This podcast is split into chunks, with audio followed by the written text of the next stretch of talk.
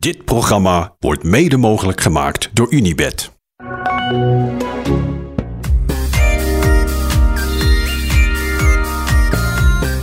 Goedenavond Ellen. Ja, goedenavond, Hidde. Ja, op, op, een, op een eerste dag die toch wel op mij een beetje indruk heeft gemaakt.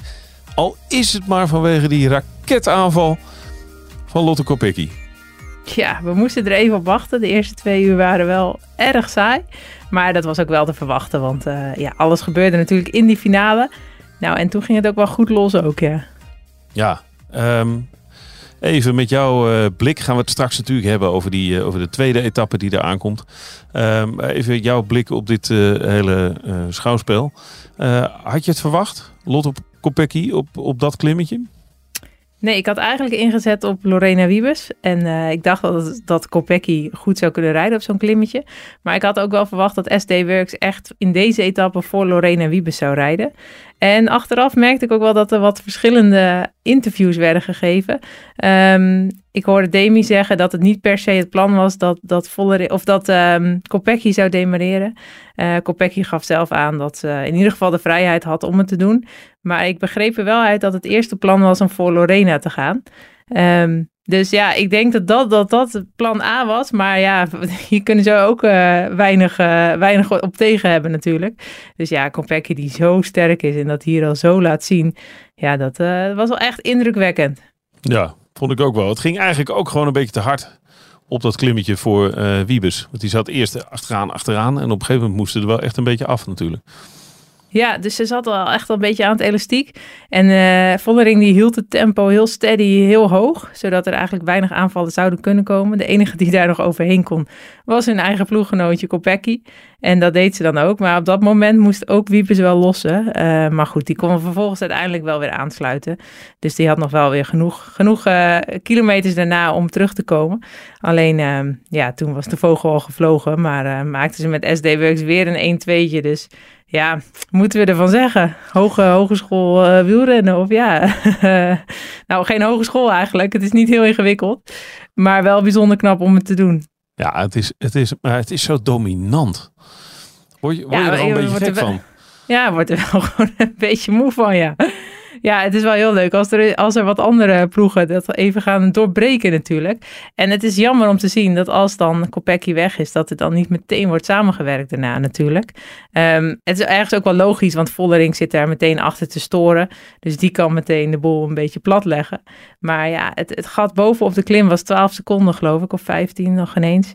Um, ja, en het is nog, nog 8, 9 kilometer naar de finish. Dus mocht er echt uh, een samenwerking op, op gang kunnen komen, dan denk ik dat ze haar nog wel terug hadden kunnen pakken. Maar ja, als dan niet wat, dat telt niet. Nee, telt niet. Het was overigens wel, ik moest gelijk denken aan jouw opmerking in de, uh, de eerste aflevering van deze podcastserie tijdens deze Tour de France voor vrouwen.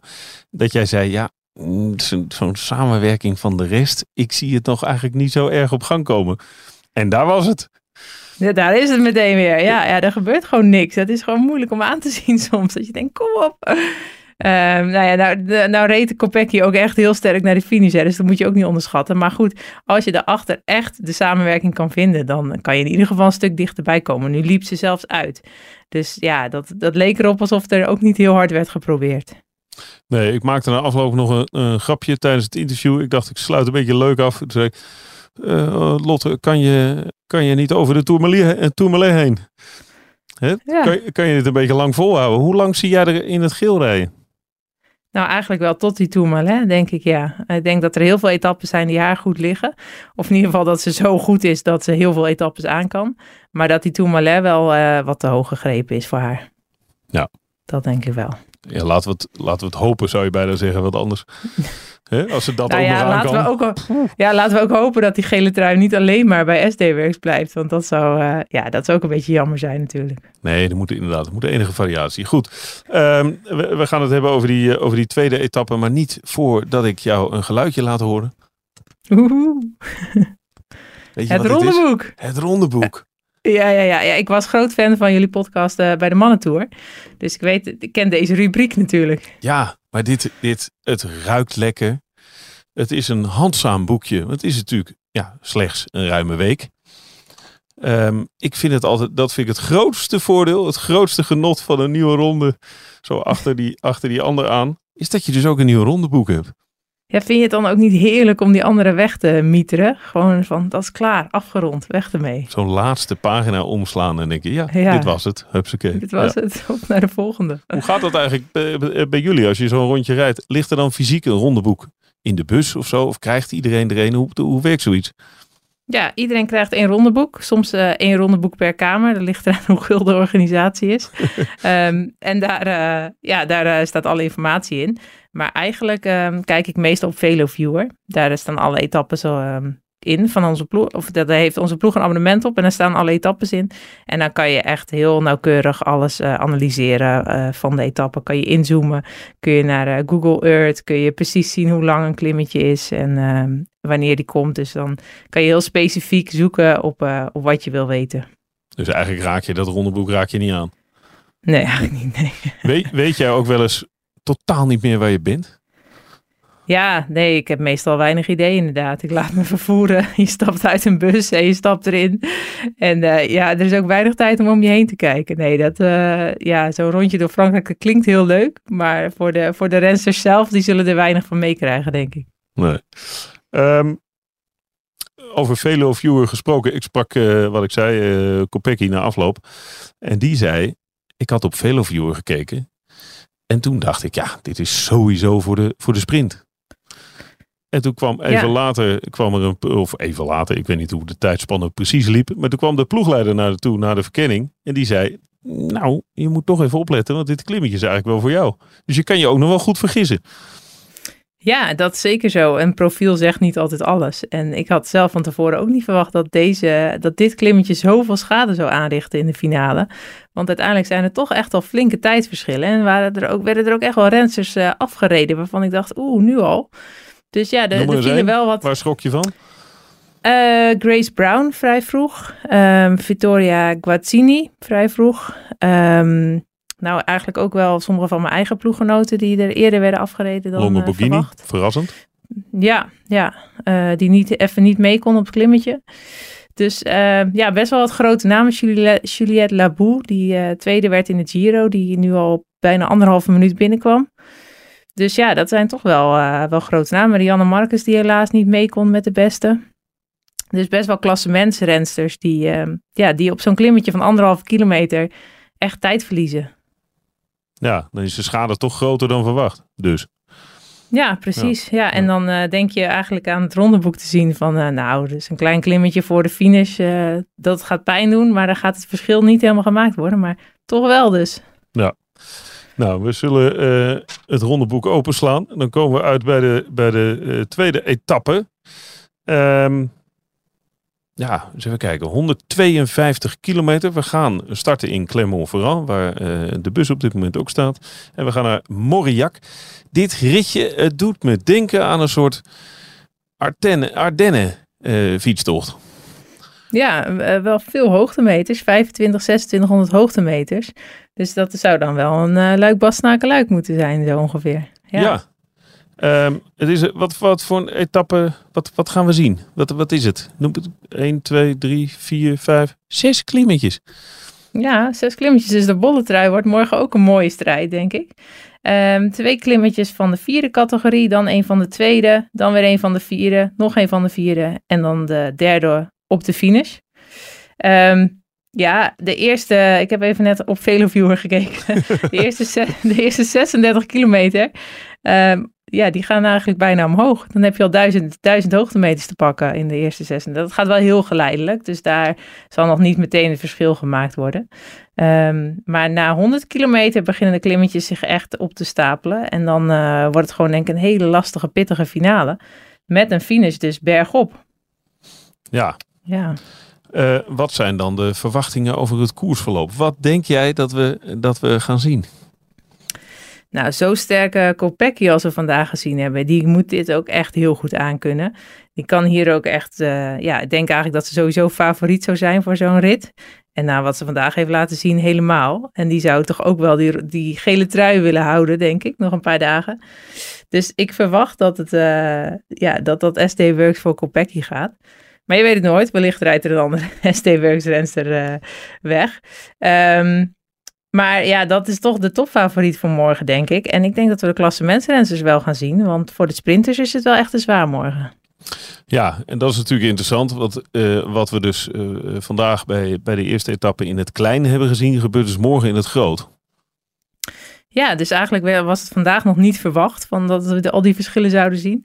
Um, en de vraag is dan, was het dan vandaag omdat het de eerste dag was bij sommigen, dat we even in moesten inkomen, dat het weer eventjes een beetje ja, moest gaan stromen met bloed. Uh, dat ze daarom op achterstand kwamen. Dan was het iets te explosief.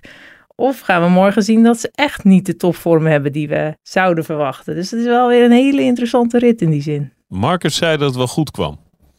Ja, nou dat hopen we allemaal natuurlijk. ja, ik hoop het van harte met hem mee. En uh, ja, zo'n klein klimmetje zegt natuurlijk niet meteen alles. En uh, zij gaf ook aan, dit is niet iets wat, wat mij lag. Wat, ik wist van tevoren dat dit een lastige dag voor mij zou zijn.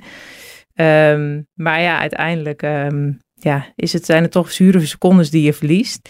Uit, ik, denk, ik denk niet dat dit echt helemaal het verschil gaat maken op zo'n Tourmalet voor het klassement. Maar ja, je bent toch, uh, ja, je wil nooit secondes verliezen. En ze verliezen toch al twintig vandaag op, uh, op de echte klassementsfavorieten. Ja, uh, stel, jij bent ploegleider van uh, Annemiek van Vleuten, van Movistar. Ja. Hoe, zou je, hoe, ga je deze rit in? Nou, ik denk wel als Movistar zijn dat je echt moet gaan kijken naar de etappes. Van waar liggen de kansen om al een voorsprong te pakken voordat we naar die Tourmalet gaan van zaterdag. Want um, ja, in de, in de Vuelta is gebleken dat Demi toch een betere klimster was op de lange steile klimmen dan Annemiek.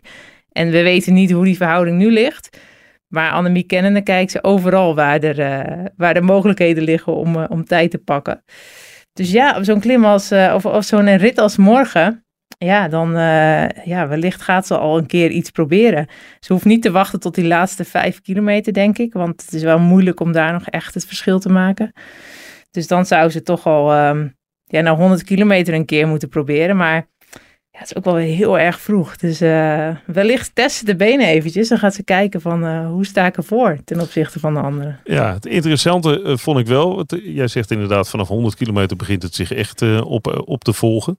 Dus dan heb je ruwweg nog 50 kilometer volle bak koers. Um, het interessante is wel dat het, de call van tweede is het begin van die 100. Of het begin van die laatste 50. Ja, dat is eigenlijk de lastigste. Zeggen. Ja, en dat is natuurlijk wel een in, interessant moment voor Van Vleuten. Precies, dat is eigenlijk de klim waar het meeste verschil kan gemaakt kan worden. Dus waar zij dan uh, het best uit de verf zou komen. Um, nou, verwacht ik wel dat een Demi Vollering net zo gefocust is op Annemieke als een uh, en een vingerkaart op elkaar waren. Dus ik denk niet dat hij zomaar ergens heen kan gaan. Maar wellicht, wellicht gaat ze iets proberen. Uh, of, of zet ze haar ploeg neer voor een mooie, mooie koep. Um, ja, dit is wel een van de lastigere etappes voor de, voor de grote etappe van zaterdag. Dus deze en de vierde etappe, daar, um, daar kan wel echt wat geprobeerd worden. Maar die andere etappes wordt sowieso wel heel lastig. Ja, als je de vergelijking, want we hebben het er ook over gehad in de, in de eerste aflevering. Um, als je de vergelijking met Vingegaard en uh, Pogacar doortrekt uh, richting uh, Vollering en Van Vleuten, dan is Vollering eigenlijk Pogacar. En ja. van, Vleuten is uh, Vingegaard. Ja, dus dan wint toch van Vleuten de Tour. ja, ja, dan klopt mijn voorspelling niet. Je mag nog veel wijzigen de komende dagen. Ja, okay, dat is geen okay, enkel okay, probleem. Maar moet, uh, nee. moet Van Vleuten het, het hard gaan maken? Ja, nou die is gebaat bij een hele zware, lange, harde koers. Um, Vollering is explosiever, net als Pogacar. Um, ja, en, en de, de taaiheid van Van Vleuten, dat is echt haar kracht. Dat is um, ja, waar, zij, waar zij op kan winnen. En om die te kunnen gebruiken, moet ze ook deze, moet ze wel voor, voor aan, aanstaand weekend al haar uh, concurrenten een beetje uitzien te wonen eigenlijk. Dus um, ja, ik ben wel heel benieuwd wat voor plan ze daarvoor hebben. Dus eigenlijk moet het gewoon in deze etappe, zeg je? Deze en de vierde etappe, denk ja. ik. Maar ja, wellicht is er ook nog wel een keer een, een, een waaier-etappe of zo, waar ze kan verrassen. Of een ander soortig uh, iets kan verzinnen. Maar um, ja, die andere etappes die bieden niet heel veel mogelijkheden om verschil te maken. Heb je, heb je appjes gehad vandaag? van je Appjes? Ja? Eh, nee, niet zoveel eigenlijk. Nee? Oh. Nee, ik heb ze ook niet zoveel verstuurd, moet ik zeggen. Ik laat ze een beetje met rust. Maar eh, ik kan natuurlijk wel even hier en daar wat eh, inventariseren. Het is wel leuk. Even peilen hoe, eh, hoe de stemming is. Dat is, Ja, dat is d- voor morgen wel aardig, denk ik. Ja, precies. Ik durfde het bij eh, Lidl Trek nu even niet helemaal aan. Want ik denk niet dat die heel tevreden waren vandaag. maar ehm, nee, dat is wel leuk inderdaad. Om even gewoon eh, na te vragen van hoe ze het beleefd hebben. En hoe ze er morgen weer, eh, weer naar uitkijken. Ja. Wat denk je over Longo Borghini? Want we de- we hadden het er vooraf over. Ja, het, is, het is wel een belangrijke uitdager natuurlijk. Zij kan iets. zij kan wel een rol spelen in de, in de, bij de bovenste plekken. Denk je dat dit een, een momentopname was vandaag? Of, of vrees je ook een beetje? Ik vrees een klein beetje, maar ik denk ook wel dat het echt een, eh, een, eh, het moment van de eerste dag kan zijn. Zij heeft natuurlijk die valpartij gehad in de Giro, dus daarom heeft ze wel vraagtekens van hoe is die vorm nu? Ja, en als je dan zo'n tour zo begint, is dat niet heel lekker natuurlijk. Ehm, de ploeg deed ook een enorm lange lead-out naar die klim toe. Al bijna 40 kilometer reden ze al ehm, met een treintje op kop. Ja, en dan als dit het resultaat is, dan... ehm, ja, uiteindelijk is de schade heel beperkt. Maar Ja. kan ik me voorstellen dat het niet heel goed is voor de moraal. Nee, dat. Het- ja, de schade is zeer beperkt, want ze sluiten aan. In tegenstelling Precies. tot een aantal anderen. Ja. Dus het is helemaal niet heel dramatisch. En wellicht had ze gewoon nog niet de topbenen. Daar hopen we op. Maar eh, ja, ik denk dat je dus morgen, op zo'n dag als morgen echt gaat zien van... eh, ja, is ze er klaar voor of niet? Als ze morgen niet, niet goed genoeg is, dan wordt het wel heel lastig om deze week eh, goed door te komen. Is dan de stemming volledig anders aan tafel? Nou, ik denk Hoe werkt niet. dat? Ehm, ja, we hebben een paar eh rensters in de ploeg, zoals Lizzie Dijknen en ook wel Lucinda, Lucinda Brandt. Die eigenlijk heel goed eh, het onderwerp van wielrennen af kunnen leiden. Dus die over van alles en nog wat kunnen praten, behalve wielrennen. En dat is echt heel goed voor een ploeg. Daar word je echt vrolijk van. En eh, ja, dat, eh, dat is heel goed voor de sfeer. En dat heb je op dat, dat soort momenten echt nodig. Even uit die bubbel trekken en, en gewoon een beetje lol maken in plaats van alles te serieus nemen. Ja. Was Lucinda, Lucinda gevallen vandaag? Ehm, nee, Lucinda was niet gevallen. Eh, volgens mij tenminste. Maar ze was wel... ehm, ja, ze, reed ook mee in die lead-out, die lange lead-out. En daardoor ook al redelijk vroeg eh, uit de trein gelost, zeg maar. Of eh, ja, al redelijk vroeg klaar met haar werk. Was dit iets voor jou geweest eigenlijk? Die tweede etappe? Voor mij? Nee, niet voor mij. Nee, nee, nee. nee, ik zag eh Reuser is altijd een beetje een vergelijkbare renster met, eh, met hoe ik eh, koers. Die reed heel sterk op het klimmetje en die moest denk ik eh, 500 meter voor de top of zo lossen. Die zet een heel hoog tempo neer. Zij is nog wel wat beter in klimmen dan ik. Dus ja, ik denk als zij al zo mee rijdt, dan... nee, ja, ik had wel mijn werk voor de ploeg kunnen doen, maar winnen, dat had er echt niet in gezeten. Zeker Nee, niet, nee. nee. Is het, is, zou het voor SD nog een idee zijn om, eh, om eh, reuzen mee te sturen? In een, in een, in Altijd. een mooie vlucht. Ja, dat is natuurlijk met SD-Works kun je echt alle kanten op met die rensters. Dus dat is ook het gevaar voor Movistar. Ehm, hoewel uiteindelijk op die Tourmalet gaat het toch waarschijnlijk tussen Demi en, en Annemiek zijn. Maar ja, het is wel heel moeilijk te controleren als je dus en een Reuser en een Wiebes en een Kopecky en ja, Volderingen hebt. Ja, je kunt je niet op alles focussen. Dus ehm, ja, zo- zo'n renster als Reuser, die heeft wel echt heel veel in haar mars. En als die, eh, als die een gaatje heeft, als die helemaal los is, ja, dan, eh, dan wordt het eh, hard werken om daar weer, om daar weer naar terug te komen. Ja, daar kennen we een hoop voor, voorbeelden van. Zo ook vorig jaar. Precies. Ja, ja. Oké, nou, we, gaan er, we kijken er weer naar uit. Dankjewel voor nu. Ja, graag gedaan. Veel plezier vanmiddag. Eh, dankjewel. ja, we gaan, we je- gaan weer kijken. Ik spreek je na de etappe. Yes, dan gaan we weer naar, op naar de volgende. Helemaal goed. Dankjewel. Tot Jo, morgen. graag gedaan. Tot Doei. morgen. Doei. Dit programma werd mede mogelijk gemaakt door Unibed. Luister naar Pitstop, Marijn Abbehuis en Arjan Schouten met het laatste nieuws uit de paddock. Ferrari zag je af en toe nog wel een beetje stuiten hoor. Nou, toch wel. Een heel panel, 20 keer dat boek heen en weer laten lezen van voor naar achter en van achter naar voren. Ja, ja waar winnen ze niet twee, drie tienden mee? Kun je je bijna afvragen tegenwoordig. En Verstappen zou alleen wereldkampioen worden. Beluister hem in je favoriete podcast app.